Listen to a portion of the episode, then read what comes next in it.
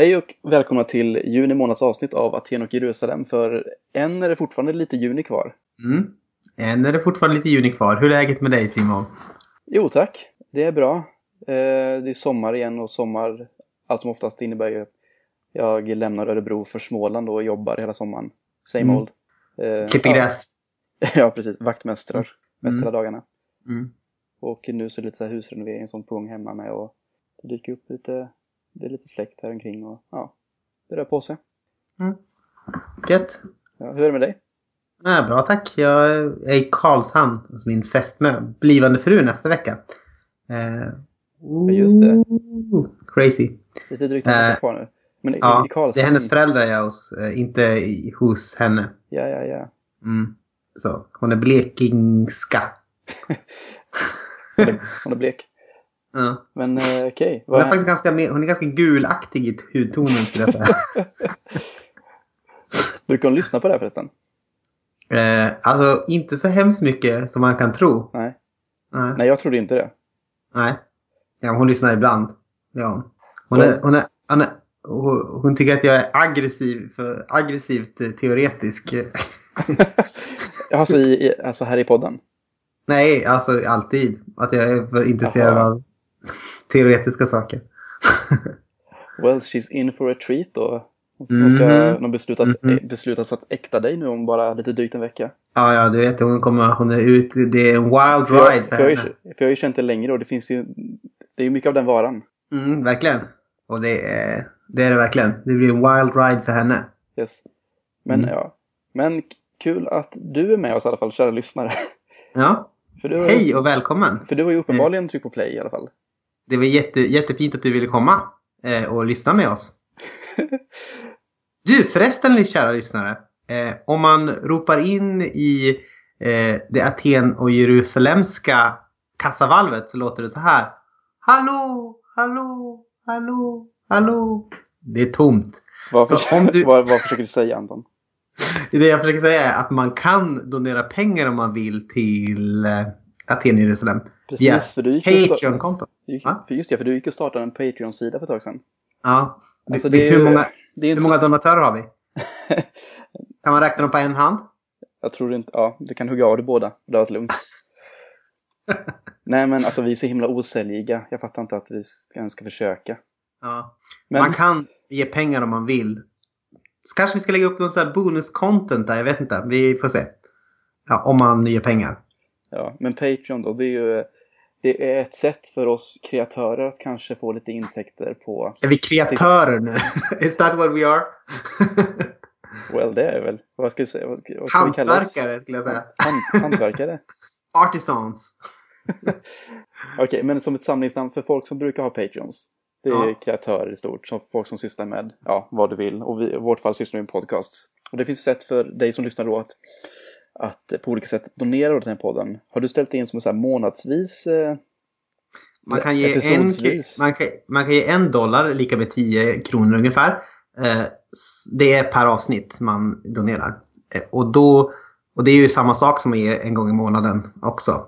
Ja, hur som helst. Förutom om vi skulle missa en månad. Min poäng är att man kan ge pengar, kanske, kanske säg en dollar, eh, 10 kronor. Och då eh, tycker vi att det är jättekul. Och så kan man ge kanske 30 kronor per avsnitt och då, får, då tycker vi att det är ännu mer roligt. Och du kanske får vara med i podden eller något sånt där, vet inte. Det kan vi väl säga att man får. och, om du nu, om, och om du nu skulle känna, vilket jag skulle säkert tro är fallet, att du inte riktigt har blivit helt införstådd med vad Patreon innebär. Så klicka bara den här länken på, in, på i avsnittsbeskrivningen så får du se vad det är fråga om. Ja. Man, man behöver inte ge. Nej, vi, vi klarar väl oss antar jag. ja. Alltså vi, ja som sagt, så otroligt osäljiga personer. ja. Eh, ja, vi, vi, Vi, skulle, vi måste branda oss bättre, tror jag. well, det är något vi får klura ut. Men vi går, kan ju istället fokusera nu på vad som ligger framför här. Vem har, eh, vem har, ja, vem har du pratat med Anton? Ja, jag har ju rest lite till Göteborg i vår. Jag har läst lite kurser i Göteborg, eller en kurs egentligen i Göteborgs universitet. Kristendomsstudier 1, otroligt generiskt namn. Där vi har läst lite olika sådana här eh, big books kan man säga om, eh, västerlandets historia typ och i relation då såklart till kristen teologi. Och där har jag haft en lärare som heter Arne Rasmusson som är en teolog såklart. Eh, professor där i Göteborg och eh, i Stellenbosch i eh, Sydafrika är han också lite grann. Han är, vad ska man säga, han, han har gjort sig lite av ett namn för att han har hållit på med Stanley Hauerwas, skrivit om Stanley Hauerwas vid en tid, särskilt kanske när inte så många skrev om, om Stanley Hauerwas. Så han har skrivit den här Church as Police som är eh, hans avhandling som har publicerats i USA också. Som är en sorts, eh, en sorts jämförelse mellan Jürgen Moltmans och eh, Stanley Hauerwas teologi. Och där skillnaden är att eh, och Stanley Hauerwas är på något sätt eh, jag menar hos Jörgen Multman är det på något sätt att kyrkan eh, ska gå med i det politiska projektet, typ eh, vänsterpolitik. Och i Stanley, Stanley Hauerwas är det mer att the church is the police, alltså kyrkan är en stad, är, en, är ett samhälle som eh, har sin egen politik. typ.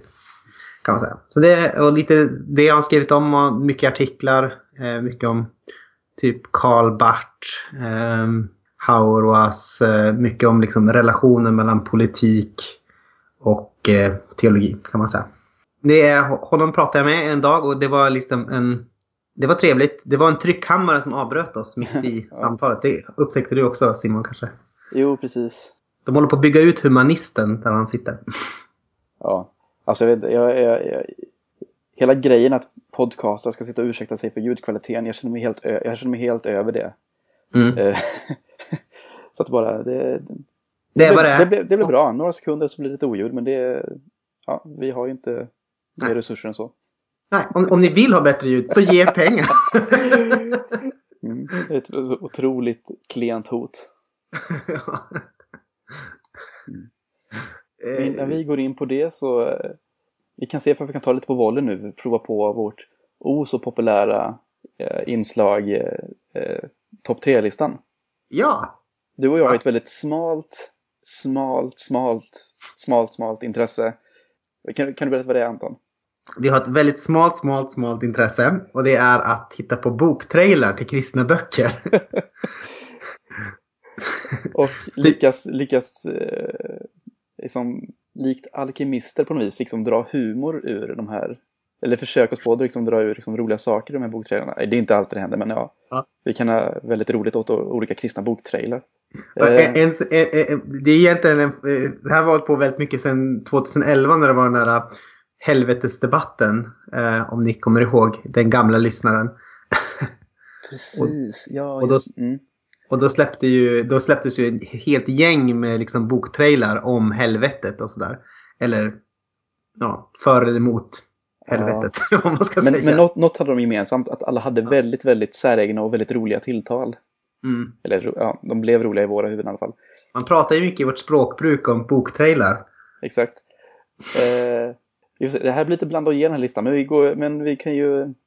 Som sagt, vi har ju sett en hel del boktrailer nu genom åren här, men vi... Eh, och på plats nummer tre på den här väldigt spretiga listan så har vi boktrailern till Mikael Hallenius bok Spår av den osynliga.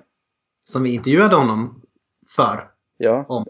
Den är också helt färsk för just den här, den släpptes, den släpptes ju för ett år sedan den här boken, men det var just i, nu här en veckan som det kom en boktrailer till den här boken. Mm. Till våran glädje.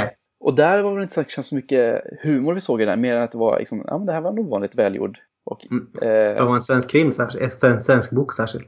Verkligen så, på så sätt sticker den ut. Vi ser oftast, eller vi konsumerar som oftast amerikanska boktrailers. Mm. Som de gör ju dem i överflöd. Däremot en sak som är lite rolig. Eh, det är att i ett shot eh, så kan man ju se att eh, Mikael Helenius sitter framför typ två bokhyllor. Och sen så är det en liten yeah. död växt så här, strax ovanför hans, eller ganska högt ovanför hans huvud som hänger ner. Den, den, den tycker jag är en ganska lustig eh, bild på något sätt. Ja, men du, jag vet inte, jag kollar om den trailern. Jag tror inte den ja. är död den plantan, jag tror den bara är väldigt, väldigt trött. Ja. För död tror jag, ja. Jag tror att andlig klarsyn berör alla områden i det kristna livet. Och jag tror att det går att finna spår av den osynliga. Hur som helst, eller men den plats nummer tre och det är för att det är en ovanligt bra svensk boktrailer. Det händer, Mm. det händer inte alltid. På plats nummer två har vi John Pipers Bloodlines. Mm. Det var en bubblare. Det viktigt. Tänkte ni inte att John Piper skulle komma med på listan, eller hur? Är och så högt med. Men det gjorde den allt. Och det var också, vi kan ju, vi kan peta in lite ljudklipp här kanske. Men eh, återigen, amerika, här är en amerikansk boktra- boktrailer som sig bör. Och den var ju bara ovanligt bra. Jag väntade inte mig att det skulle vara en eh, så pass gripande boktrailer. Mm. Ja, men visst. Och vi har ju lite så här fördomar om John Piper på något sätt. Att han är, att han är på ett visst sätt. Mm. Och kanske att han skriver böcker om ett visst tema. Eh, så vi blev, jag blev lite slagen av ur sadeln när jag såg den här boktrailern. Stark inledningsreplik. One of the great sorrows of my life, and one of the reasons I love the gospel of Jesus so much, is because I grew up in this home as a full blooded racist.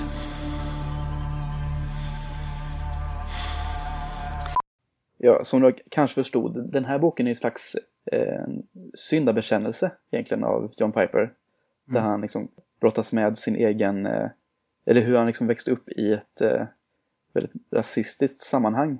Och hur det på många sätt liksom har eh, legitimerats och stöttats, eller bara funnits som en själv- självklarhet. Men sen senare tid blivit någonting han har helt liksom fått omvärdera. Och eh, blivit en synd som han får bekänna. Så ja, gripande tema, välgjord trailer, klar två. Mm. Och på plats nummer ett, boken och boktrailern som startade allting. Love Wins av Rob Bell. Several years ago, we had an art show at our church, and people brought in all kinds of sculptures and paintings, and we put them on display. And there was this one piece that had a quote from Gandhi in it. And lots of people found this piece compelling. They'd stop and sort of stare at it and take it in and reflect on it, but not everybody found it that compelling. Somewhere in the course of the art show, somebody attached a handwritten note to the piece, and on the note, they had written, Reality check, he's in hell. Gandhi's in hell? He is? And someone knows this for sure and, and felt the need to let the rest of us know? Oh, Den, är, det har allt. den, den har verkligen allting. Fram, framförallt, liksom, den är liksom, för mig är den the pinnacle av liksom, det Rob Bellska tilltalet. Mhm. Liksom i ett, i ett hyperkoncentrat. Mhm. Eh, och jag vet inte varför vi tycker den är så himla rolig egentligen. Men det är någonting liksom hur han fraserar sig och eh, liksom, eh, de här anekdoterna han väljer berätta. Och, Mm. Och just, men det att han, har så, han är fantastisk på konstpauser. Han skriver böcker också på ett sånt sätt med massor med så här konstpauser, typ. yes. Så han skriver typ så här. And how do you become one of these few? Så Yes. liksom, att han hela tiden gör sådana små snygga fraseringar som är ganska roliga när man tittar på den många gånger liksom. Ja. How does one become one of these few? How could that God ever be good? How could that God ever be trusted? And how could that ever be good news? Så för oss funkar på flera nivåer. Dels så som vi understryker den, hans poäng, men dels har vi också väldigt kul båt hans... Jag vet inte. Det blir så mycket av allting, men det är kul. Mm. Och, och, och också, den är ju, den bygger upp det väldigt så med att man får se liksom ett konstverk hålla på och smidas på samtidigt som han pratar. Och det är ju, Som sakta det är uppenbaras. Ja, som inte är så märkvärdigt i slutändan. Det är det som är lite tråkigt kanske. Något, något av ett antiklimax, men... ja. Eh, ja, Han är en duktig kommunikatör, Bell, måste man säga. så in i verkligen. Men vad vore en topp tre-lista utan ett gäng bubblare? Ja, nej, det vore ingenting. Har du någon bubblare Anton så här på rak arm? Eh, en, en som jag tycker spontant är ganska rolig. Eh, den här är ju liksom, det är också en svensk boktrailer. Och Ja. den är ju väldigt far out. Och det är ju Maria Hallmans homosexualitet är synd. Just det, ja. Här, en synd kanske. Nej, är syndare. Homosexualitet är synd. Ja, just det. Det är sant, Ja. det, är en, det, är en, Och den det har- är en stark trailer på många sätt. Nu är den här. Boken som alla talar om. Kan du skaffa den. Boken som presenterar sanningen i en värld full av lögner. Den har ju så här 80-talstema rakt igenom så här. Och så sen så är den helt absurd.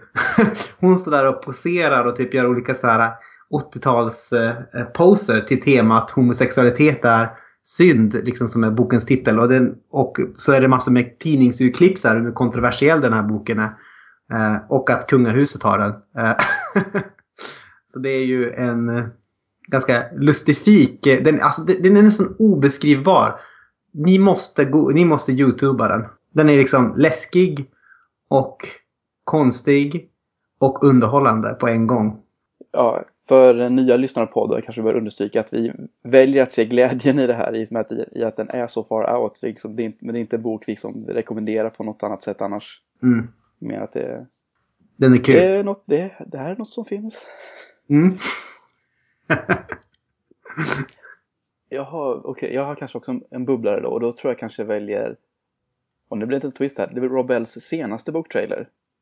till hans nya bok What is the Bible där han, liksom, han eh, skriver om ja, vad är Bibeln, vad är det för slags bok, vad är det för slags berättelser, varför känner människor att det här var berättelser värda att bevara och sånt där. Mm. Eh, på många sätt ställer väldigt, som vanligt ställer han många intressanta och bra frågor och har sitt speciella tilltal. Men just den här boktrailern, där liksom slår han lite knut på sig själv på ett sätt.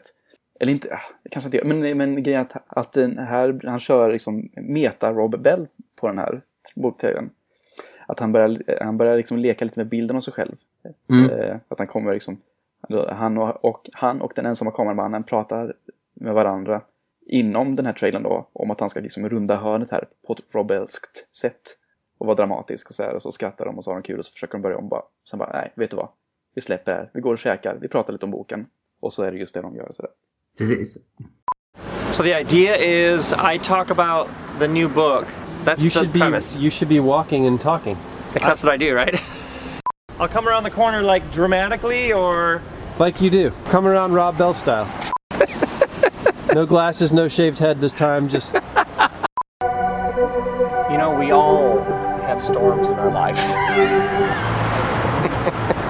you realize you're just parodying yourself. Can we just go get some tacos? Och det är lite så här, den här sköna, självironiska. Ja. Man kanske inte hade någon annan väg att gå egentligen, för annars var det liksom köra på sitt vanliga spår eller bara okej, vi leker lite med bilden här. Mm.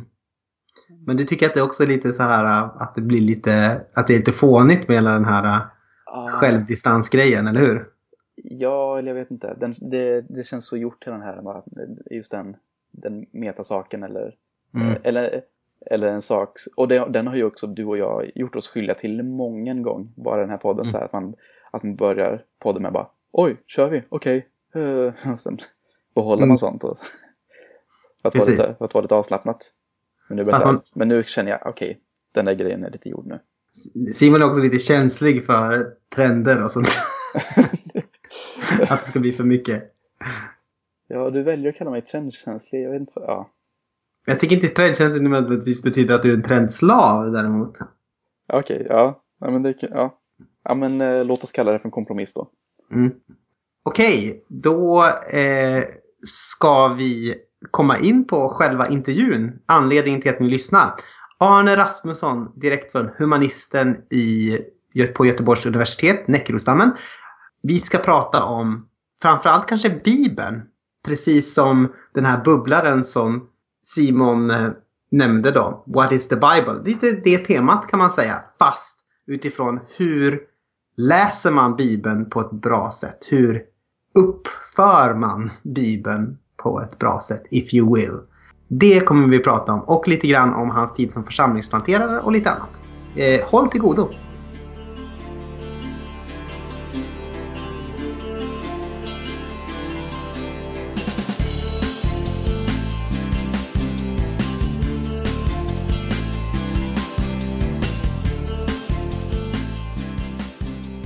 Hej Arne, vad roligt att få möjligheten att prata med dig. Eh, jag får nu liksom också officiellt chansen att säga det här hejet som Stanley Hauerwas eh, förmedlade i slutet av förra intervjun. Så hej från honom. eh, för de som inte känner dig så bra, hur skulle du presentera dig själv? Ja. Jag är professor i systematisk teologi vid Göteborgs universitet. Sen ungefär 5-6 år. Innan dess var jag i, jobbade på Umeå universitet. Och innan dess bodde jag länge i 17 år i Skåne. Bland annat eh, doktorerade i Lund. Och när du bodde i Skåne, eh, du var också involverad i en, en församlingsplantering ganska länge. Vad- Kan du berätta lite grann om den erfarenheten? Ja, eh, vi, det var i Arlöv. fanns det några stycken som var precis tidigare innan jag flyttade ner. Ehm, Skåne som hade börjat arbeta med liksom en slags församlingsgrundande verksamhet där i Arlöv som då var tillsammans med, tror jag, Botkyrka den kommun i Sverige som hade minst ehm, kyrkogång. Mm. Och när jag då skulle flytta ner för, för att bedriva studier då, till forskarstudier då i Lund, bosatte jag mig i Arlöv. Till början var vi fem stycken. Började för att bygga en slags församlingsverksamhet som sen eh, växte ganska mycket. Vi jobbade mycket intensivt med, ja, i Arlöv som samhälle. Mm. Där fanns ju en sån väldigt negativ hållning till eh, kyrkan då. Det betyder ju Svenska kyrkan. Det är ett sånt här brukssamhälle. Där man uppfattade kyrkan som, eh, som en del av liksom överheten och bruket. Sådär. Ehm, och så kom vi då, frikyrkliga som vi då var, fanns ju inte där. Och de, många har ju aldrig mött några. Så vi, så vi jobbade mycket så här socialt. Också skapade en slags församlingsgemenskap. Bland allra första vi gjorde var att starta en, eller gjorde ett, läger. Det är ju frikyrkliga bra på. Läger för ungdomar från eh, bostadsområdet där. Och många av dem hade aldrig varit, knappast aldrig varit utanför Arlöv som ligger precis utanför Malmö då. Ehm, så det blev en väldig succé och kommunen gillade vad vi gjorde och sen ehm, var det fler personer flyttade ner och vi startade ett slags allaktivitetshus. Hyrde två lägenheter med hjälp av kommunen som sen vi slog ihop väggarna och byggde ut. Som var för alla åldrar och sådär.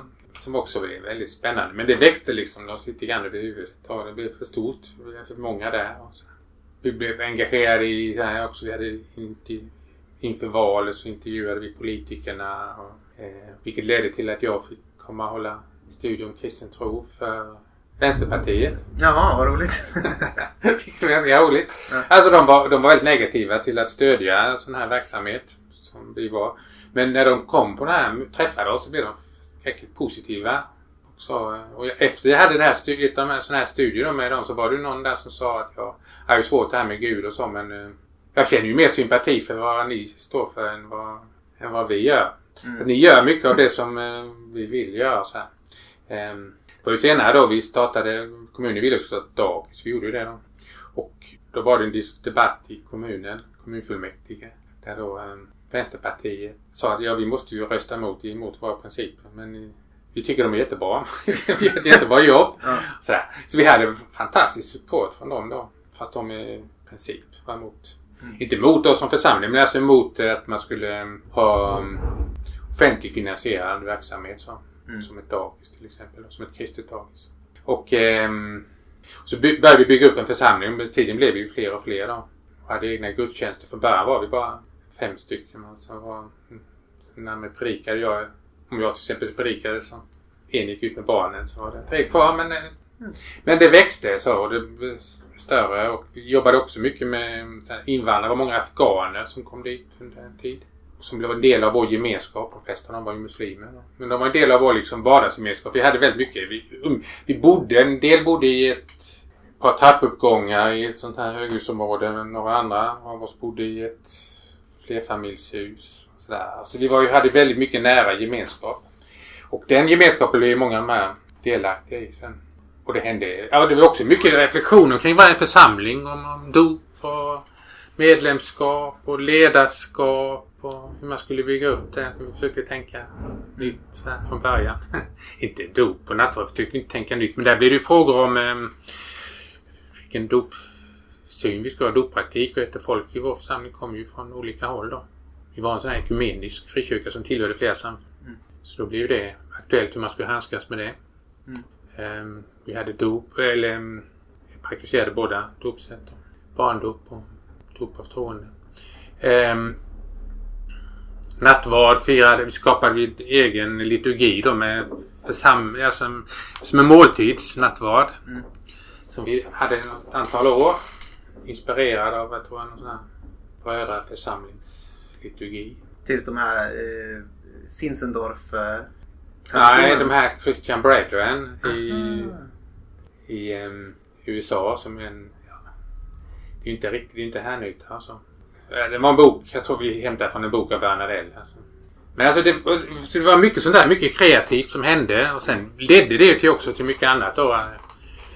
Det som sen eh, blev allt den här teologiska utbildningen har delvis, alltså det har ju många ursprung, men delvis att Roland Spjut flyttade ner och blev en del av vår församling för att ta ansvar för en, eh, till början med en bibelskola då. Mm. Och eh, eh, i samarbete med, med det som kommer att bli Hiljeparkskyrkan. Som inte hette det så på den tiden då.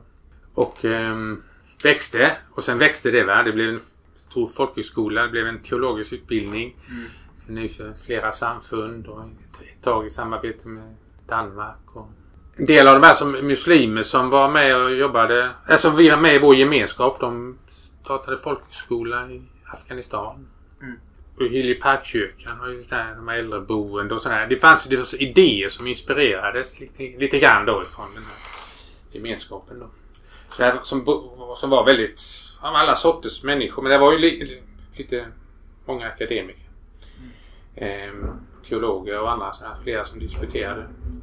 Men också väldigt många andra som har helt andra bakgrunder. Så, eh, så det var, det var, jag var ju där 17 år som en del av det, gemenskapen. Skulle du, skulle du säga att den här erfarenheten har påverkat dig som teolog och kanske hur du relaterar till Bibeln som vi ska komma in på snart? Jo, det, alltså det var ju, det var ju min... Under tiden som jag var forskarstuderande så var jag ju, var ju den här samlingsgemenskapen mycket viktigare än mm. Lunds universitet. Så att eh, man kan ju se mycket av det som jag skrev både då i avhandling och sen i, i många andra texter. Är ju format som en slags reflektion kring den praktik som vi levde då. Mm. Inte så att jag startar bara med en eh, titta på vad vi gjorde och så reflektera över det. Men alltså det, det gjorde ju den kontexten och det sammanhanget. Så det formade mig väldigt mycket. Eh, så det skulle säkert sett annorlunda ut om jag hade ett annat, annat sammanhang. Mm. Ehm, jag skrev ju på den tiden om, om bibelläsning och sånt där. Det ju, var ju en del av hur, också hur vi eh, jobbade. Vi hade ju mycket studier av, av studiegrupper då, både av en där, bibel, mer klassiska bibelstudier, gemensamma. Mm. Också teologiska. Vi läste sådana här små ja, dogma, dogmatiska verk som församlingsgrupp. Gustav Aulén och till exempel ehm, som vi, många då som inte tränade teologi tyckte var väldigt, väldigt givande och spännande. En annan termin hade vi Lars Lindberg som hade skrivit på den tiden kommer som en ny dogmatik. Så det var ju, men det var ju då att läsa Bibeln också i relation till det, så här mm, systematiskt teologiska frågor. Mm. Eh, och man gör det som församling och gemenskap då. Sen kan jag ju bara säga, sen när jag flyttade till Umeå då var vi med i en annan, men det hade många likheter. Det var alltså en samarbetsförsamling mellan Svenska kyrkan och EFS. Och jag är ju inte eh, EFSare eller lutheran eller så. Men den kyrkan fanns ju alldeles intill eh, där vi bodde då. Och eh, min son, eh, det var nära skolan med så han sa där vill jag gå i scouterna. Så då gick vi dit och sen vi trivs väldigt bra. Det var, fanns många likheter. Det var också en sån här lite pionjär, alltså fast inom det här mer strukturerade ramen som Svenska kyrkan och en distriktsförsamling är. Med, med människor med liknande idéer och eh, så en oerhört engagerad församling. Eh, mycket folk på gudstjänster. Men, men som är engagerade också i närsamhället. Också med till exempel invandrare. Men, med, men med många andra frågor då. Va? Alltså, sån här året i, i Svenska kyrkan så, här, så räknar man ju alla som är aktiva på ett eller annat sätt väldigt noggrant. Då. Och då är, det var det ju en bra bit över tusen personer som var involverade i verksamheten trots att föreningen, ja, när vi kom var det kanske 70 och sen när vi lämnade var det kanske, jag vet inte, 110-120 så här. På någonting lite bit över 100-120 kanske på gudstjänsterna. För 60 platser i kyrkan så det var liksom fullt. Mm. Så, men det var också den gemenskapsförsamling men, med, en annan, annan struktur. Då, men, eh, men, eh, men det fanns väldigt många likheter. Mm. Så det här sättet, den här praktiken kan ju då driv, bedrivas och levas i, i olika sammanhang. Och den församlingen betyder ju också mycket för mitt reflekterande. Då. Jag tänkte att vi skulle prata lite grann om, om att vi skulle hålla oss lite grann kring bibel och eh, församling. Eh, nu är det ju 500 år sedan den berömda reformationen startade, säger man i alla fall. På vilket sätt tror du att vårt förhållningssätt till Bibeln har förändrats sedan reformationens dagar? Ganska vid fråga. Ja, nej, det är en svår fråga. För det är också vilka är vi? Och, Mm. och om man säger så här, vi har... Det är ju lätt att tänka sig Luther kom och lärde oss nya saker och det förändrade liksom eh, den protestantiska kyrkan och de blev... Eh, gjorde det som Luther sa. Men alltså, så var det ju inte. Eh, Så att det är ju frågan är... ehm, så, det, så föreställningar om det protestantiska sättet att förhålla till Bibeln det är ju något som sakta växer fram och som... Sen kan man ju säga, stämmer det? Mm. Eller inte? Och sådär, va? Både då historiskt och, och hur det fungerar nu och så. Men det är ju klart att ehm, i den situationen när då um, Luther kom i konflikt med, med kyrkan och hans egen erfarenhet att möta Guds nåd genom läsning av Bibeln gjorde att bibeltexten fick en annan roll och man har det här som man säger skriften alena och så. Mot traditionen. Mot kyrkans tradition. Nu var ju Luther inte, han läste ju inte Bibeln skilt ifrån traditionen. Han var ju en del av den katolska kyrkan. Eh, men det blev ju viktigt för honom att betona Bibelns auktoritet eh, i förhållande till den kyrkliga lärombetet eftersom han var i den här konfliktsituationen. Det var ju när sen när eh, reformationen var lite mer etablerad då, så var han ju inte lika generös mot andra som använde samma argument mot honom då. Så att man läser ju, alla läser ju Bibeln inom ramen för en tradition. Vilket en tradition det är ju bara alltså, kyrkans liv med Bibeln och, och eh, kyrkans praktik som skapar en ram för att eh, inom vilken ram man läser Bibeln och tänker och ställer frågor och, och så. Luther börjar ju inte liksom från noll. Men det, det finns ju sådana föreställningar som har vuxit fram sen och som då finns nu att vi ska bara, det är Bibeln alena, man behöver inget annat eller något sånt där. Men det är ju ingen som gör så. I, i verkligheten är det ingen som gör så. Men det kan ju användas så. Och då, ehm, och då kan det då bli att Bibeln, läsa Bibeln alena kontra att läsa Bibeln i, i kyrkan som gemenskap då. Finns det ju många andra sätt att läsa Bibeln. Alltså som, som ett litterär text. På universitetet. Som ett historiskt dokument och sådär. Men, eh, men den här frågan då. Läsa Bibeln i kyrkan. Eh, kan ju inte vara skilt ifrån... Då, då är man en del av den kyrkliga praktiken när man läser Bibeln. Och då är man en del av en tradition. Det är bara att lura sig själv och säga att man bara läser den för sig själv. Isolerat. Mm. Och, jag, och jag funderar på det om i och med att man i, har betonat liksom skriften alena eh, på ett sätt. Att den har blivit liksom den enda eh, auktoritetskällan i vissa former av protestantism. Om den också har tappat lite av sin liksom, begriplighet eh, på något sätt. Att man inte förstår den riktigt om den bara är liksom en renskrapad text framför sig. Eller vad tänker du om det? Jo, alltså jag tänker ju att man läser Bibeln så läser man den eh, i ett sammanhang för en viss syfte, alltså inom en praktik. Och, och begrepp som Gud, så grundläggande som Gud, va? Det blir begripligt utifrån en viss livspraktik. Eh, börjar man isolera texten till eh, skilt ifrån eh, en konkret praktik så, så blir de här begreppen väldigt svårbegripliga. Mycket av Bibelns texter blir svårbegripliga. Eh, och man försöker bara lyfta dem ifrån sitt praktiska sammanhang då. Man gör saker med Bibeln och det finns ju där, jag har jag ju när jag skrivit om det har jag ju nämnt den här klassiska Nicholas Lash en liknelse av att um, fast kyrkans sätt att läsa Bibeln han- det påminner i vissa avseenden. Det här är en liknelse som stämmer för vissa syften, inte för andra. va? Men det, det är som att sätta upp en pjäs, Shakespeare. Så- Och då, om man sätter upp Shakespeare igen så gör man ju inte, man kan ju göra det, försöka göra så historiskt likt som möjligt. Men de flesta gör, gör ju inte det utan man sätter upp det i en ny situation för, utifrån nya frågor och, och vill, vill göra någonting med den. Ehm, och på samma sätt så lever ju kyrkan med, med Bibeln. Den, man läser inte texten för att få bara en historisk information om eh, vad till exempel Paulus tänkte. Utan man, det handlar om hur eh, kyrkan ska leva nu tillsammans.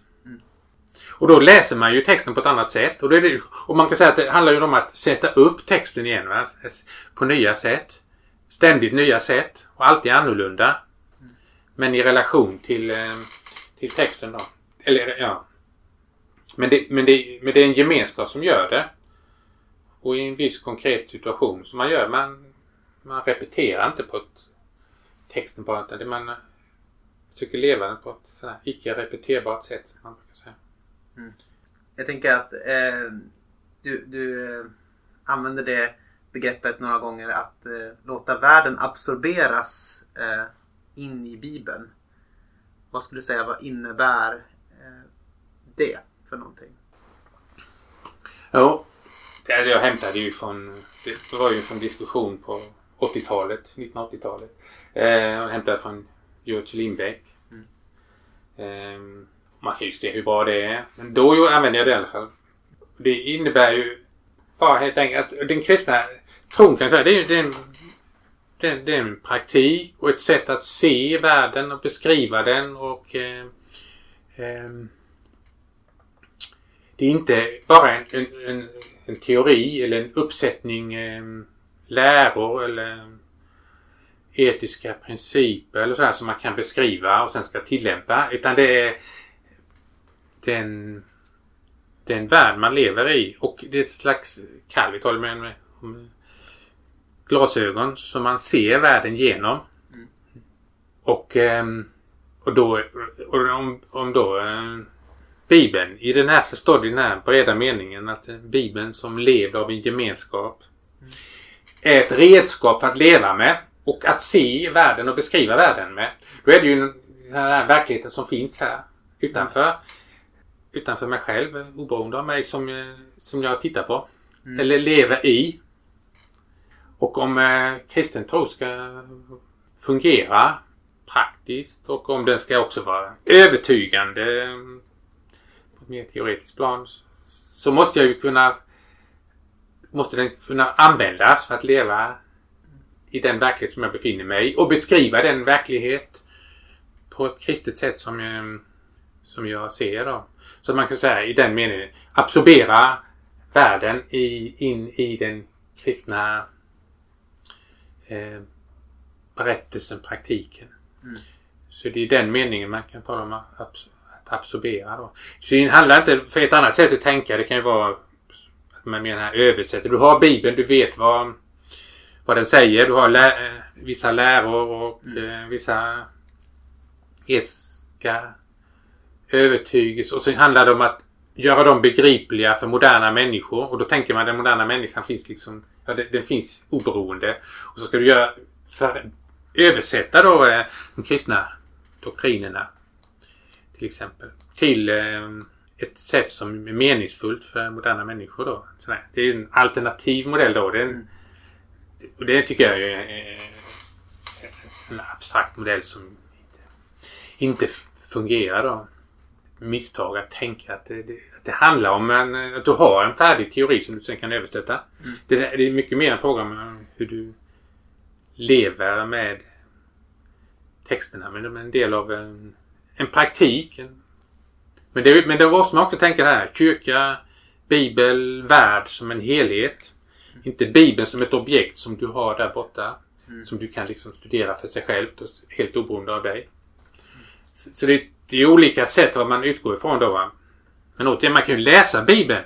Man kan ha olika um, tolkningsintressen. Med, jag är ju på ett universitet. De flesta exegeter här, de är ju mer... Är, oftast är de historiker då. Det är ju en, och använder, läser Nya Testamentet till exempel som ett historiskt dokument. Och det är ju helt legitim syssla. Man kan ju läsa den som ett litterärt dokument. Man kan använda sociologiska metoder för att komma åt eh, samhällsstrukturer så. Paulus tid eller något sånt där. Och så vidare. Allt det här det är ju helt legitimt. Men, men kyrkans läsning mm. av Bibeln det är ju inte... Man ska inte... Som en, det är ju inte ett Man har inte först och främst ett historiskt intresse. Däremot kan historiska studier få en hjälp för kyrkans läsning. Men det är inte samma sak och det finns ju också då, betonar man bara den historiska sidan, då blir det ju oftast också den här kulturella distansen. Man, vi vet att människor som levde... Fula diket och Ja. så vidare. Ja. Ja, Paulus tid va? Men de, de tänkte och levde i en helt annan kultur, annan situation, andra föreställningar och så. Ska vi då på något sätt överbrygga det till, till modern tid? Va? Men, och det historiska studiet har ju en tendens att främlinggöra texten, gör att den kommer långt ifrån oss själva och så ska man sen då som teolog, då, om exegeten vill göra det, så ska teologerna sen då försöka göra det något slags meningsfullt i en modern kontext. Då. Och jag, eh, vilket jag inte... Och då blir, har du hermeneutik som en slags teori. Abstrakt teori som ska hjälpa till att överbrygga det här då. Men jag tror inte det funkar så. Det är inte så. Kyrkans läsning är inte så. Den är ju mer att praktiskt levande med, med Bibeln och den, och den pågående tradition. Ett pågående läs nyläsningar som hela tiden formas på nytt och på nytt igen och vi lär oss av historien samtidigt som vi lär oss av vår samtid. Och vi får nya kunskaper som vi måste relatera till vilket gör att vi måste så att säga, läsa om eh, texterna utifrån nya insikter. För de ska levas, den ska levas. Den ska inte bara och praktiseras som ett redskap för att förstå tillvaron nu. Och det betyder ju också ja, men, att nya kunskaper naturligtvis påverkar vårt sätt att eh, använda Bibeln då. Och, det, och då blir det här nya kunskaper, kan man säga att de ska kunna absorberas. Kan de inte absorberas, ehm, eh, modern naturvetenskaplig forskning till exempel, då har, man, då, har- då har kyrkan eh, problem då om man inte kan använda det. Den måste liksom säga, lägga det åt sidan. Vad är det McIntyreska begreppet för det där? Eh, nej, vet. Ja, Ja, alltså det är ju sån här eh, ehm, epistemologisk Epo- kris. Epistemologisk kris, ja. Och det har ju... Det är ju ganska användbart. Alltså ibland hamnar man i en tradition Ja. i en epistemologisk kris, alltså en, en kunskapsteoretisk kris. Där nya frågeställningar gör att man ehm, måste tänka om. Ehm, och det kan ju vara... Alltså det finns ju allt möjligt. Alltså så här. Evolutionsteorin är väl bra. Evolutionsteorin är ju Ja. ett sånt där exempel. Det går inte då att läsa eh, första Mosebok som eh, många har gjort då. Ehm, den tidigaste kyrkan gjorde ju oftast inte riktigt det heller. De läste inte så men men de hade ju inte den kunskap som vi har då. Och då, då, då betyder det att man måste göra omläsningar och tänka om. Och kan man inte det så får man ju problem. Men det kan ju också vara så här,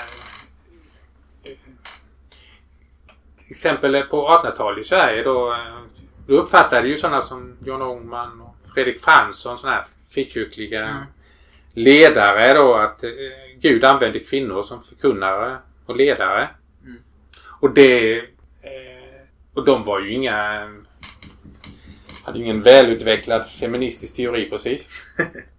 Men de, de menar att de såg Gud, Gud verka genom eh, dessa kvinnor. Och då blev det de, då blev, gick de tillbaka till Bibeln och försökte se hur man kan läsa Bibeln och se, få stöd för ehm, att ehm, rätten för kvinnor att förkunna.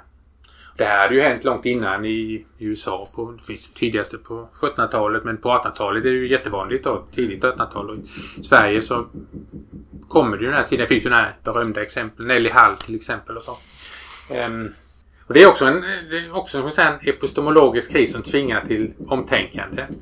Och det beror ju på vilken sorts, ehm, hur traditionen utvecklas. Alltså kyrkan är ju inte, finns inte bara en strömning. Man har ju gått olika vägar. Jag är ju, jag är ju mm, också sån här extraordinär professor i Stellenbosch, Sydafrika. Jag är ofta i Sydafrika. Men där finns ju då epistemologiska kriser som har gått åt ibland åt helt fel håll då.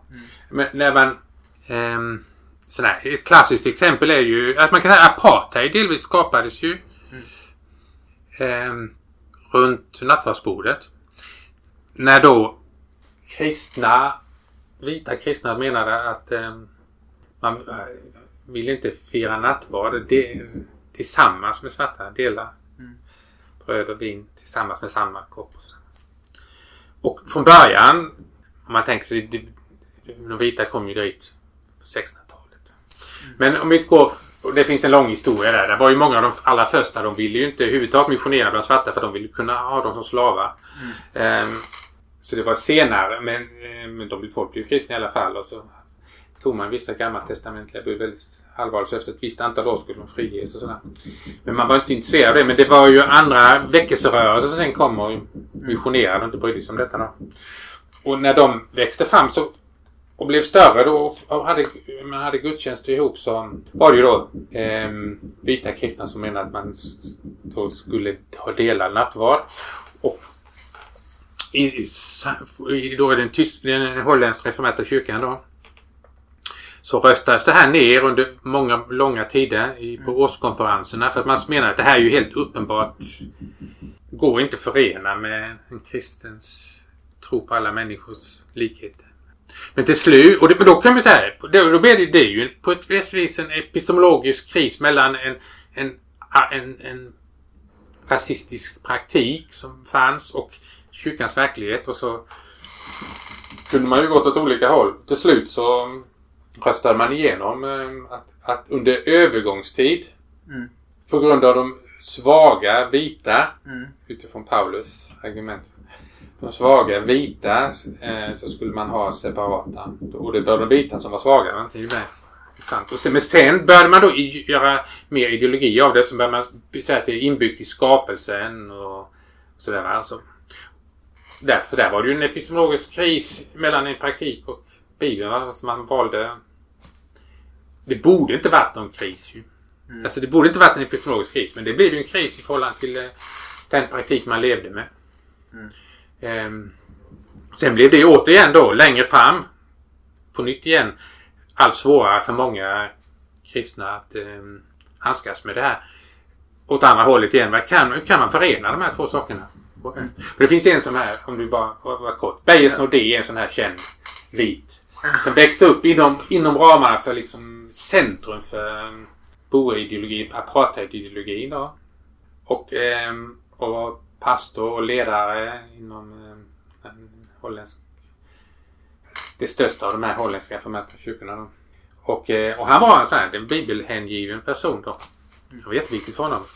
Och då kan man ju tycka att det skulle vara ganska svårt att försvara den här apart.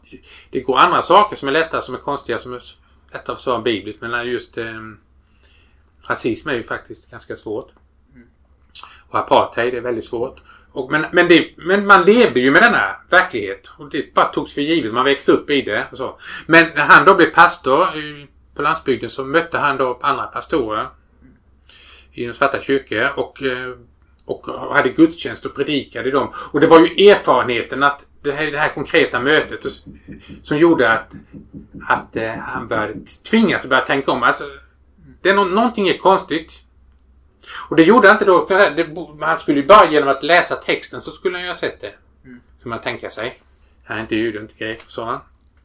Men det gjorde han inte. Utan det var mötet med svarta kristna som, som blev den, den eh, kris, återigen någon kunskapsteoretisk kris. Alltså, och, och, så, och så går han tillbaka till Bibeln och, och kan eh, går inte att få ihop det. Men det är ju den här praktiska situationen som gör att han börjar läsa Bibeln annorlunda.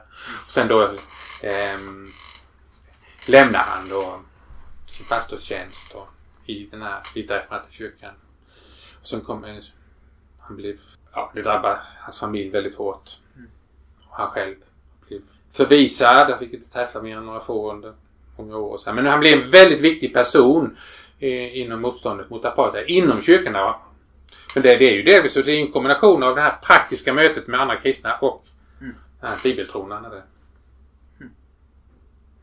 Nu är vi ändå inne på apartheid och, och boerideologi och sådär.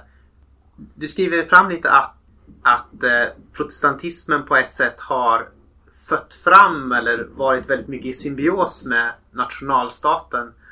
Eh, hur, tänker du, vad är det som ligger bakom det? Är det vad är det för sorts praktik eller bibelläsning som, som ligger till grund för det? Så delvis har det att göra med reformationen, hur den skedde. Alltså att Luther, en av um, Luthers möjlighet att överleva det var ju, berodde ju bland annat på att han fick stöd av vissa furstar. Mm. Och det fanns inom um, delar av Europa då, som i Tyskland, eh, motstånd mot den politiska makten var, fanns i Rom, alltså i, hos kejsaren, både kejsaren i i Wien och, och sen den kyrkliga makten i Rom och höga skatter och så här. Och det fanns ju både ett slags folkligt motstånd mot, mot kyrkan i den som en slags politisk makt. Då. Men det fanns ju också ett motstånd hos eh, furstarna som ville ha större oberoende i förhållande till kejsaren och, och därmed också i förhållande till kyrkan. Då. Och så, så då växte det ju fram att han, han fick stöd av de här furstarna. Och i Norden, speciellt i ett land som Sverige, då var ju reformationen eh, väldigt liten eh, en folklig rörelse nerifrån. Det fanns ju sådana element, alltså snarare mer några intellektuella då. Men på många sätt så var det ju någonting som eh, Gustav Vasa det var ju hans intresse att, att genom en protestantisk reformation göra kungen till eh, kyrkans högsta makt. Och, eh, och också få del av eh, kyrkans rikedomar och sådär. Då. Eh, och då blev det ju en slags symbios mellan eh, det här framväxande av... Från början är det ju alltså mer den kungan, eh, kungamakten då. Och eller olika furstar och deras intressen. Senare så, ehm, så kopplas ju det här också till eh, eh, moderna nationalismen. Det gör det ju inte från början. Det har det ju inte så mycket med direkt med nationalism att göra men ja, det beror på vad man menar med nationalism och så. Mm. Ehm, men det är ju oftast i den moderna formen ett senare fenomen. Ehm, men det, det är ju ett sätt att få kontroll kan man, säga. Alltså, man vill ha den politiska makten vill ha religiös enhet. Det är inte så viktigt vilken mm religion folk har men att det är samma. Det är viktigt då för att eh, skapa politisk enighet. Eh, men med, med tiden så växer ju nationstanken fram också. Att eh, varje nation ska ha sitt eget, sin egen stat. Och, så. och nationellt oberoende och nationell självständighet. Och det blir också då anti anti eh, det kejserliga imperiet. Men också anti-Rom. Där den katolska kyrkan ju är i princip övernationell. Men det finns ju sådana här nationella rörelser inom katolska kyrkan så det händer ju liknande saker där då. Men det finns ju alltid kvar det här att den katolska kyrkan i princip är övernationell. Och inte kan identifieras med en nation. Borde inte göra det. Det har det ju gjort många gånger men senare då. Men den moderna nationalismen den är ju det är ju ofta det är mycket så smått på 1700-1800-talet och det är lite tidigare i Sverige och England va? Och, eh, senare i andra länder då. Tyskland är ju ett dilemma som en sen nation. Därför reflekterar mm. man mycket över det. För just därför att det är så uppblandat. Medan Sverige var väldigt homogent, relativt homogent i förhållande till många andra då. Och då blir det här att vara svensk blir viktigare. Och Svenska kyrkan och Sverige blir ju identifierat med det också ganska sent. Men i början på 90-talet finns ju ungkyrkorörelsen som är en del av en, ett slags gensvar på å ena sidan arbetarrörelsens utmaning mot kyrkan, frikyrkorörelsen, framväxande pluralism men också den här starka nationalismen som då mm. finns kring sekelskiftet då. Och där då Svenska kyrkan och eh, Sverige förenas. Så här, och då får vi den här, det är ju bak, en del av bakgrunden till folkkyrkotanken. Då. Innan hade man ju inte mycket sån, den typen av eklesiologi. Det var bara givet ju att Sverige och, och, och eh, svenska staten och svenska kyrkan eh, hängde ihop. Det behövde man inte någon slags nationalistisk ideologi. Då. Det finns ju också eh, sätt att läsa Bibeln då som är nationalistiskt. Man tar Israel som en slags protonationalism och så tar man de berättelserna och för över dem till eh, Sverige mot Danmark eller England eller mm. så gör man ju i Sydafrika också. När man läser, boerna läser texterna om Israels uttåg ur Egypten och kampen med olika folken och intagandet av eh, Israel. Så läser man det i förhållande till eh, sin situation då. Mm. Och det, man gjorde så i Amerika. Och, och, det fanns mycket sånt i Sverige då också. Väldigt mycket. Så det är också så. Det, det är ju sån här protonationalism tidig nationalism. Alltså man, man kan inte riktigt kalla det kanske nationalism. Men det är ju men det, det, det svenska folket och svenska kungen och det svenska krigen kan förstås utifrån den här historien. Då. Så det är ju ett sätt att, ja, det är ett sätt att absorbera historien in i Bibeln på ett sätt som jag tycker är väldigt problematiskt. Ja. Alltså bara den här tanken. Att, att man tänker sig 1914, första världskriget bryter ut. hur kan det komma sig då att eh, man inte ens tycker att det är något konstigt, något problem att döpta, nu ska vi bara begränsa oss till katoliker, döpta katoliker i Tyskland med entusiasm går i krig mot döpta katoliker i Frankrike. Varför är då den här identiteten som tysk så mycket viktigare och känns så mycket närmare än eh, identiteten att tillhöra Kristi kropp? Mm. Inte det, egentligen är det väl en det, det, det, oerhört märkligt. Man kan, det är så självklart att det är så. Ja, men, men egentligen, det borde vara märkligt. Mm. Nu, och då håller jag ändå till samma kyrka. Alltså att, ska, ska vara så enkelt att bara slå ihjäl en, en ehm, för en tysk att slå ihjäl en fransk del av Kristi kropp. Bara för att om man finns bakom någon slags gräns som hela tiden flyttas och som man inte ens kan se. Alltså det är ju någonting, egentligen är det, det borde vara en stor skandal. Och den stora skandalen kanske är då att, att eh, man inte upplevde det som en skandal. Så, nu är vi tillbaka. Eh, det var, vad ska vi säga, ett eh, otroligt bankande ute på gården från någon sorts eh, stor maskinell slägga. Så nu är vi tillbaka och så. Men vi har tappat lite tid tyvärr så vi får nästan börja gå ner för landning kanske.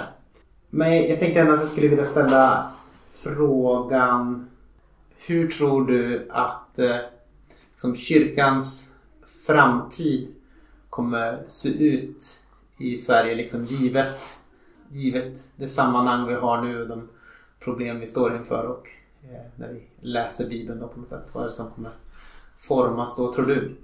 Ja, det är svår för jag, jag har ingen framtidsforskare. Så jag har ju ingen aning. Jag är ju mer sådär, vad kan man göra i den situationen? Sen får man se vad det leder till. Ja. Så jag vet inte. Så man kan ju spekulera. Men det, och då blir det mer den här mm.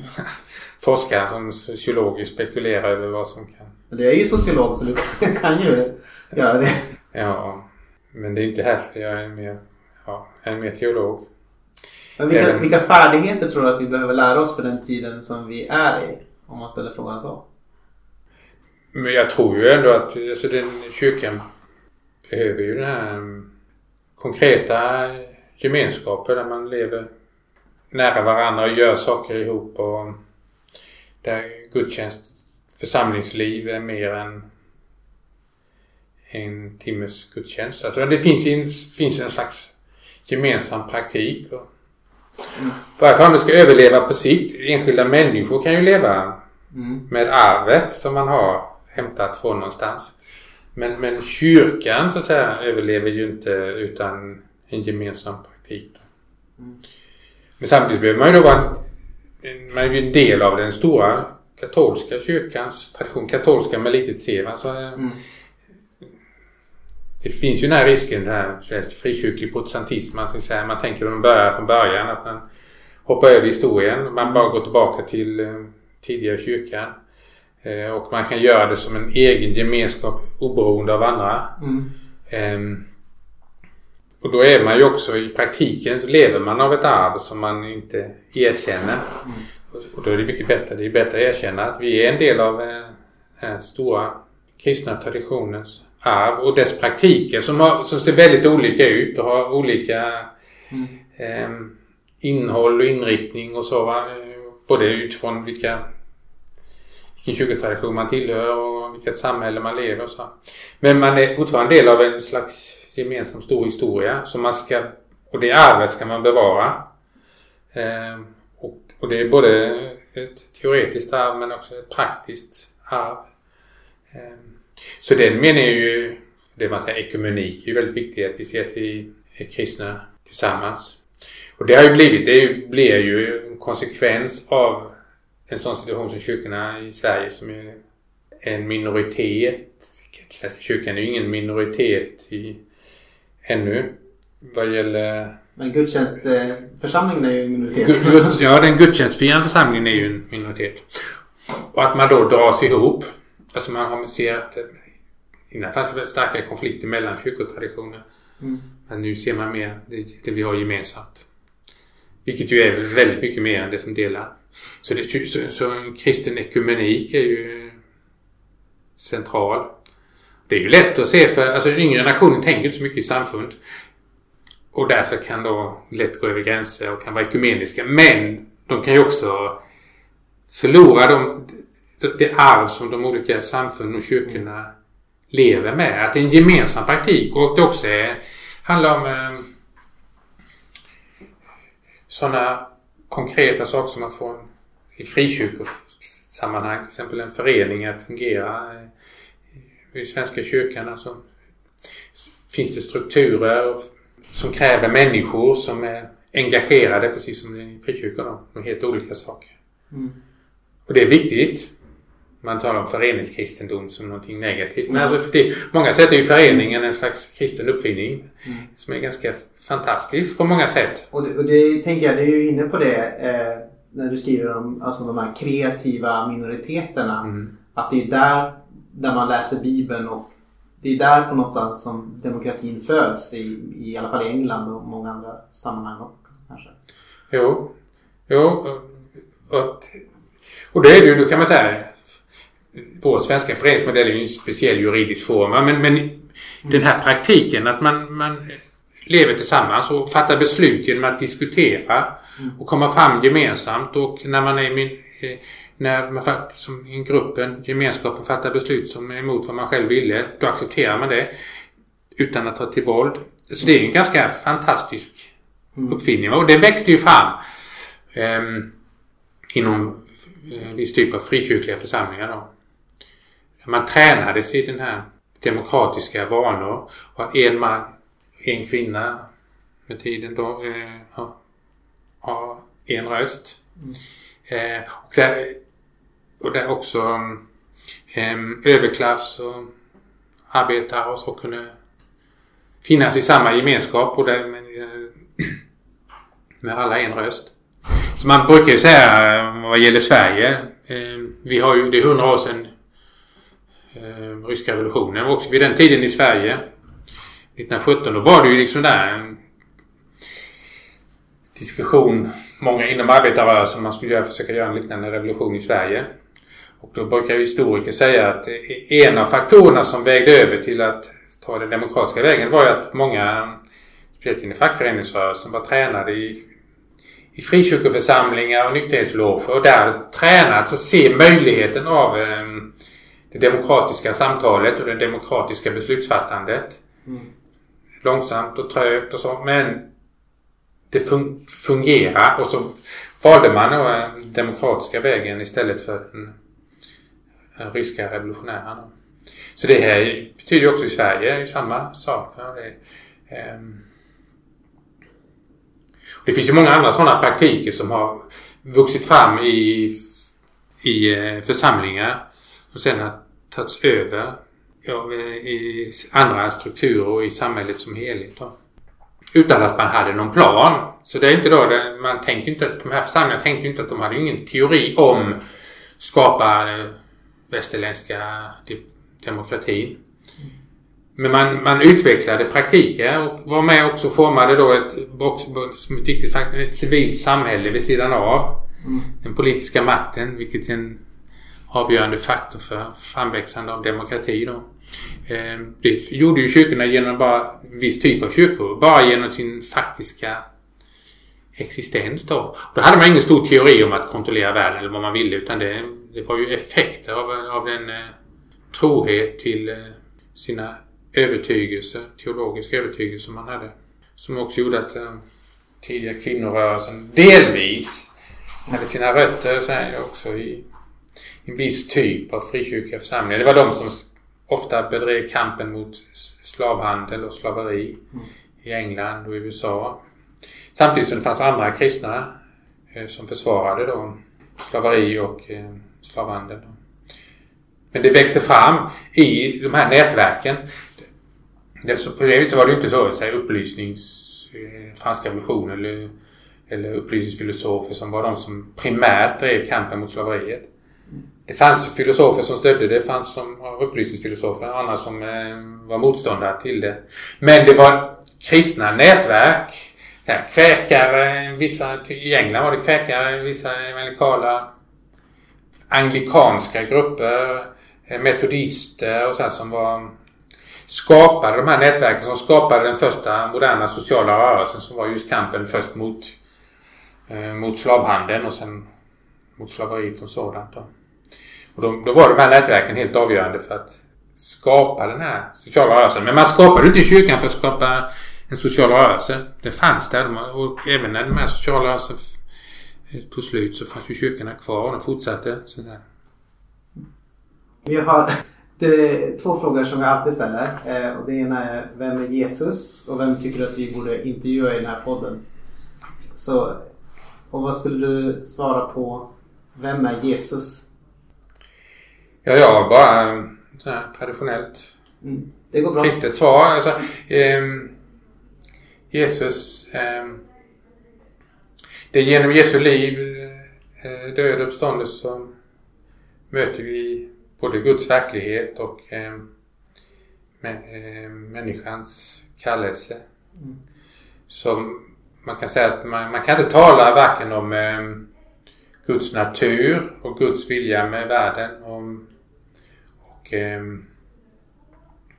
människan skilt ifrån Jesu historia. Så, så, samma Gud som har skapat världen, kallat Israel, kallat kyrkan, är den Gud som man möter i Jesu historia. Bra. Vem tycker du att vi borde intervjua? Jag har en ny, ny, relativt ny, ett år sedan, en kollega här på institutionen mm. som heter Martin Westholm. Som är um, i systematisk teologi. Mm. Som är lite intressant för att han är, han är uppvuxen i Kanada, har en svensk mamma men alltså helt uppvuxen i Kanada. Sen har han studerat i Storbritannien och har nu levt i Sverige ett år. Det kan vara intressant att höra från han. För han är väldigt, väldigt duktig teolog också och forskare och så. Men det är också få hans perspektiv på den svenska situationen kanske. Det vore intressant. Tack så mycket Arne, det var jätteroligt att få prata med dig. Tack själv.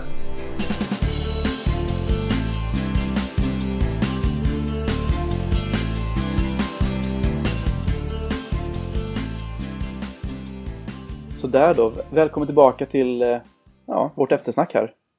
Som vanligt är det alltid väldigt kul så här i efterhand att få höra vad som har hänt utan mig. Mm. Det, ja, det, var ju tag, ja, det var ett tag sedan det var nu egentligen. Det var i mars sist. Nu. Ja, visst. Visst så var det. Du har inte varit bäst. Du har inte... Vet, vet du, grabbe! Ska du köra det Josef Bergdahl nu? Ja. Nej men du har inte varit med sedan Syster Sofie. Eh, eller det var inte med under Syster Sofie heller utan det var ju Nej. Stanley Hauerwas som var senast. Precis. Så, hur känns det att ha, ha varit på den här fastan från Aten och Jerusalem? Eh, välbehövlig på många sätt. Eller, just, mm. eller den blev välbehövlig för att jag var så himla upptagen i eh, slutet av vårterminen här. Det sa vi inte innan, men jag blev ju färdig med mina teologistudier ish mm. nu i våras. Så jag var, var ju fullt upptagen med att skriva klart saker. Ja, du skrev klart din uppsats. Ja. Som heter? Den heter Efterföljelse enligt Markus. Innebörden och funktionen av Marx 8.34 i Marcus evangeliets berättelse. Jag tycker att eh, den som eh, lyssnar på det här avsnittet skulle kunna, den som väljer att donera ungefär eh, någonting, den kan få den här uppsatsen signerad och skickad till sig från Simon. via Patreon. ja, det kanske kan bli en grej. Ja. Annars finns den gratis att läsa på nätet någonstans. Den kommer väl dyka upp i, på MS. Ja. Den finns på Akadem, Akademia också. Precis. Akademia. Det finns en förskola i Linköping som heter Lilla Akademia. Otroligt töntigt. Oj, en förskola som heter Akademia? Lilla Akademia. Jag skulle vilja se liksom hur de så här, har redovisningar på sina typ, rosetter de har gjort under dagen. Eller, ja. eller, jag tänker att de har så här caps, så här, caps and gowns avslutning också. caps and gowns, ah ja ja. Mm. De slänger upp hattar i luften och så firar av. Mm. Och... Precis. Men det är inte det vi skulle prata om. uh, ja, precis. Det var, du har haft en fasta från... Uh... ja, jo precis. Så det var mest att det, det hände så. Det blev smidigt. Mm. Och eh, lite skönt att lägga på entreprenad på det viset. Mm, verkligen. Men nu, vi ska ju prata om, eh, om eh, Arne Rasmusson och ett samtal. Ja! Vi slänger oss huvudstupa in. Ja, det, det var ju som, som, du, som du sa, det var ju mycket, ni pratar väldigt mycket bibel. Men det är också väldigt mycket eh, bibelbruk egentligen. Eh, Mm. Jag uppskattar liksom eh, eh, det som när han berättar om deras församlingsplantering och Mm. för då kommer vi in på det här med så här, att praktisera församlingsteologi eller eklesiologi eller vad ska jag säga.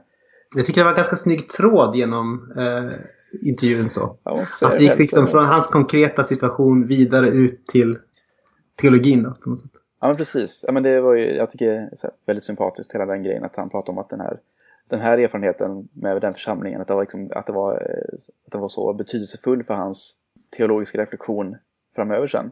Sen, det var ju så här, sen eh, han då berättar om eh, de, hur de i början då hade bibelstudier eller predikan då för ja, egentligen tre pers. Mm. En härlig liten bild. Mm. Ja, man ser den framför sig. Jag ser, jag ser en tom lokal. Ja. Alltså, tänkte, tänkte du en stor lokal och tre pers i? Ja. eller? Ja, fast det, är nog, det var nog inte så. Men jag tänker tre, tre, tre stolar och typ ett podium. Fast så Ja. var det nog inte. Utan det var nog mer ett hus, eh, att man träffades i ett hus, skulle eller i en lägenhet skulle jag gissa. Precis. Men man har exakt samma tilltal som om man vore i en storstad. ja, precis. Ja, jag snappade upp lite så här, eller ja, det blev lite så här olika stolpar här i mina, i mina anteckningar. Jag tyckte en annan sak som han sa, men som han berättade att han egentligen har tagit från någon annan då. Men det var det här talet om att eh, låta världen, världen absorberas in i Bibeln. Mm. Att, abs- man, eh, och sen beskrev han vidare som att man liksom absorberar in världen i den kristna praktiken. Och, och det är väl eh, nästan, får säga, genomgående tema i den här podden, att prata om att ha en, liksom, en kristen blick. Mm. Den, eh, Visst.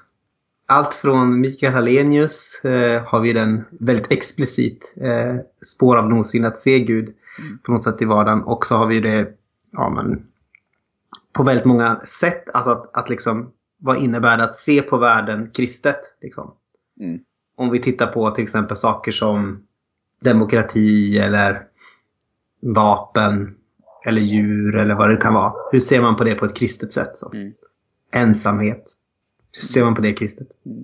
relation överhuvudtaget. Mm. Ja, eller mycket av det samtalet liksom ekar av, egentligen av en, en sak som ropat efter mycket och länge nu i våra sammanhang. Det, det här talet om att eh, behovet av liksom, gemensamma praktiker att, eh, och att som i det här fallet då, prata om att, eh, att, man, om att man låter bibeltexten då praktiskt levas ut i församlingar. Att liksom, det ska bli förankrat i hela livet och och sen därigenom då sätta sig själv i det stora berättelsen och det stora sammanhanget och bli en del av den världsvida kyrkan. Och, Mm. ja, men liksom det här eh, autenticitet och, att, eh, och av, av att praktiskt leva ut sin tro. Och att eh, tron och kyrkan är något som märks, Mm. som inte kan, inte kan undgås. Som också är Church as Police som eh, Arne Rasmusson har skrivit. Hämtar ju bilden från där, staden på ett berg. Eh, som Jesus pratar om i bergspredikan. Eh, någonting som inte går att dölja. Ett ljus lyser upp hela rummet. Och man sätter det inte under sädes... Under den här konstiga sädes... Eh, vad heter det för någonting? Och nu tappar jag också det, vad heter det? uh, sädesgrejen. Och en stad på ett berg kan inte döljas. Alltså det är någonting som måste på något sätt eh, levas ut i det offentliga. Bli offentligt.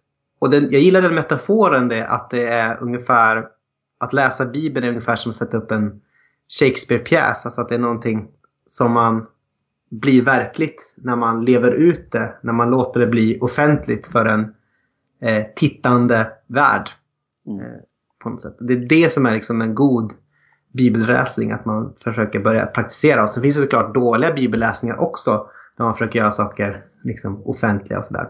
Men en- med en viss eh, liksom, centrering på Jesus så tänker jag nog att det kan gå mer rätt än fel.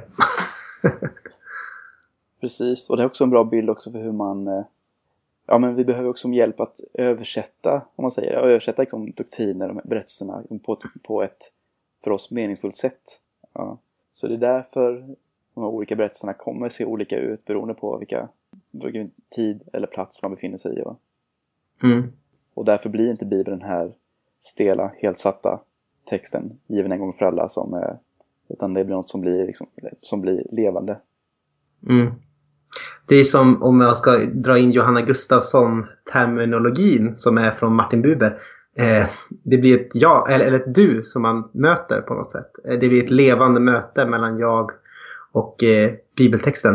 Eh, som på något sätt manar fram ett gensvar till mig. Hur jag ska leva och sådär. Det blir inte bara den här saken som jag studerar. Eh, som jag kan sätta under lupp. Eller under mikroskop så, och eh, spjälka upp verser och så. Utan det blir framförallt ett, någonting som möter mig, som talar till mig, som måste levas ut i min gemenskap. Ja, det är uppenbarligen, det är uppenbarligen mycket bra folk vi pratat med på sistone här. Absolut. Man kan eh, man drar in eh, massa gamla gäster hit och dit. Mm. Ska vi nöja oss så eller? Mm, det kan vi göra. Stort tack för att ni är med oss.